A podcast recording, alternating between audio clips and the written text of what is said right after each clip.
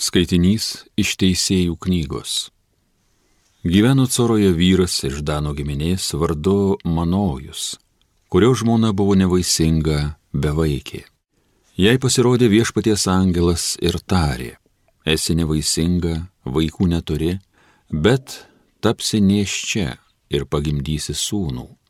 Todėl pasisaugok, negerk nei vyno, nei kitų svaigalų ir nevalgyk nieko netyro. Kai tu pradėjusi pagimdysi sūnų, tegu jo plaukų nepaliečia žirklis, nes vaikas nuo pat užgimimo bus pašvestas Dievui. Jisai vaduos Izraelį iš filistiečių rankų. Nuėjusi pas savo vyrą moteris pranešė, buvo pas mane atvykęs toks Dievo žmogus, atrodas baugiai kaip Dievo angelas. Aš nepaklausiau, iš kur jis būsės, ir jis nepasakė man savo vardo. Jis man kalbėjo, tu tapsi neščia ir pagimdysi sūnų, negerk nei vyno, nei kitų svaigalų ir nevalgyk nieko netyro, nes vaikas nuo pat užgimimo iki mirties bus pašvestas Dievui. Ta moteris pagimdė sūnų ir pavadino Samsonu. Berniukas augo ir viešpats jį laimino. Tada jį pagavo viešpaties dvasia, kuris skatino žygiams. Tai buvo Danų stovykloje tarp Coros ir Eštaolo. Tai Dievo žodis.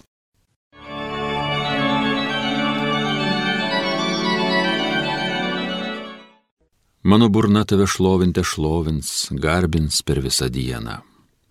Tu būk man uola prisiglausti, gelbėtis galinga tvirtovė. Tikrai, Tu mano uola ir mano tvirtovė, gelbėk, o Dieve, mane nuo nedorėlio rankos. Mano burna tave šlovinti šlovins, garbins per visą dieną. Tu Dieve man ramstis, tavim aš viliuosi nuo pat savo jaunystės, nuo pat užgimimo mane tu globojai, buvai mano sargas nuo pat kūdikystės. Mano burna tave šlovinti šlovins, garbins per visą dieną. Bilosiu Dievo galybę, skelbsiu, viešpatie tu esi vienas teisingas. Kaip mokiai Dieve mane nuo jaunystės, skelbiu likščiol nuostabius tavo darbus. Mano burna tave šlovinti šlovins, garbins per visą dieną. Alleluja.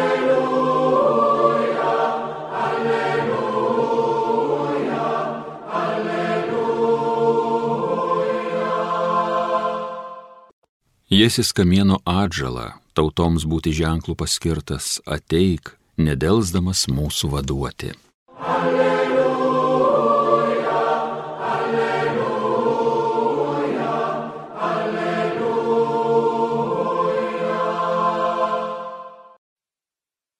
Viešpas su jumis.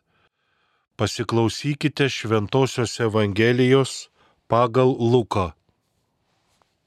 Judėjos karaliaus Erodo dienomis gyveno kunigas vardu Zacharijas iš abiejos skyriaus. Jis turėjo žmoną vardu Elsbietą iš Arono vaikaičių. Abu jie buvo teisūs Dievo akise ir nepriekaištingai vykdė visus viešpaties įsakymus bei nuostatus. Juodu neturėjo vaikų, nes Elsbieta buvo nevaisinga ir abu sulaukę senyvo amžiaus. Kartą Zacharijas ėjo pagal skyriaus eilę Dievo tarnystės pareigas ir pagal kunigų paprotį burtų teko jam įžengus į viešpatie šventyklos vidų aukoti smilkalus. Smilkimo valandą laukia meldėsi gausi žmonių minė. Tuomet jam pasirodė viešpaties angelas stovintis smilkalų aukuro dešinėje.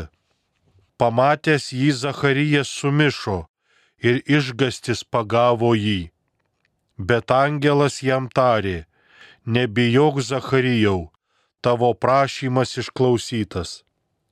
Tavo žmona Elžbieta pagimdys tau sūnų, o tu jį praminsi Jonu.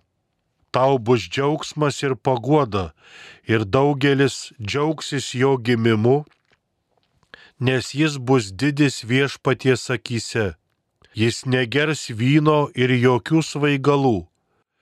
Iš pat motinos iščių jis bus kupinas šventosios dvasios ir daugybė Izraelio sūnų atvers į viešpatį jų dievą.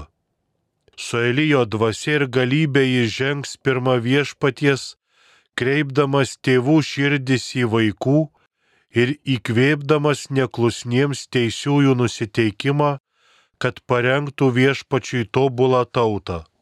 Tada Zacharijas tarė angelui, kaip aš tai patirsiu, ašgi jau senis ir mano žmona nebejauna. Angelas jam atsakė, aš esu Gabrielius stovintis Dievo akivaizdoje. Esu atsiųstas kalbėti su tavimi ir pranešti tau linksmą žinę. Štai tu tapsi nebylys ir negalėsi kalbėti iki tos dienos, kurią tai įvyks, nes nepatikėjai mano žodžiais, kurie išsipildys savo metu. Tuo tarpu žmonės laukė Zacharyjo ir stebėjosi, kad jis taip ilgai užtrunka šventykloje. Išėjęs jis negalėjo prakalbėti ir jie suprato, kad jis turėjo šventykloje regėjimą. Jis aiškinosi jiems ženklais ir pasiliko nebylys. Tarnystės dienomis pasibaigus jis grįžo namo. Praslinkus kiek laiko jo žmona Elžbieta tapo neščia ir penkis mėnesius slėpėsi sakydama, tai viešpats man davė, jis dabar teikėsi atimti savo pažeminimą žmonių akise. Girdėjote viešpatie žodį.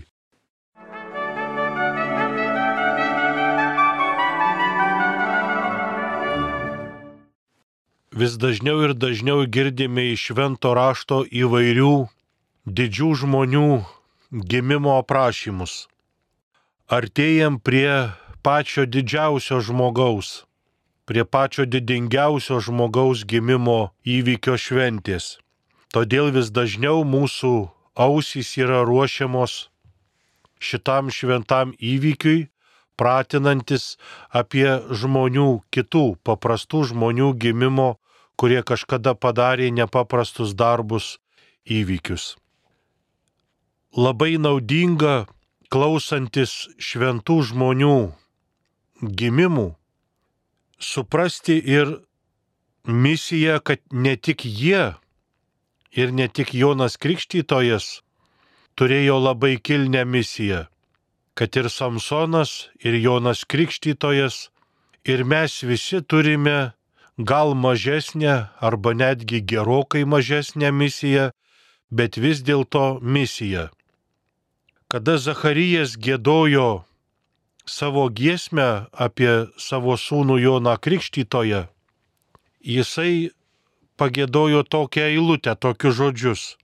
Ir tu, vaikeli, būsi aukščiausiojo pranašu, nes tu eisi pirmą viešpaties veido jam kelio nutiesti taip kaip Samsonas, kaip kiti didvyriai, kaip kitos didmoteris ruošė kelią išganytojui, taip ir mes esame pašaukti nutiesti gal mažą takelį, bet vis dėlto bent vienam žmogui ateiti į, į Kristaus laimę, bent vienam kitam žmogui paėjėti tuo takeliu, kurį aš tiesiau nėra mūsų gyvenimo nei vieno neprasmingo. Mums labai iš siauro taško matantiems gyvenimą ir pasaulio sutvarkymą gali atrodyti viskas labai sudėtinga arba kartais beprasmiška, nereikalinga, o vienintelis, kuris mūsų darbų prasme labai aiškiai mato, yra mūsų Dievas, mūsų sukūrėjas, kuris mums, kiekvienam sukurtam šioje žemėje, ir duoda tą prasme, kurioje mes gyvename, judame ir esame. Todėl svarbu žinoti, kad ne tik Samsono gyvenimo istorija, ne tik Jono Krikštytoje ar kitų istorijos yra svarbios, bet ir mano istorijoje yra tai, ką Dievas nuveikė ir tose garsiose istorijose. Mano gyvenime irgi yra prasme. Per mane kažkam irgi yra nutiesiamas kelias susitikti su išganytoju Jėzumi Kristumi. Amen.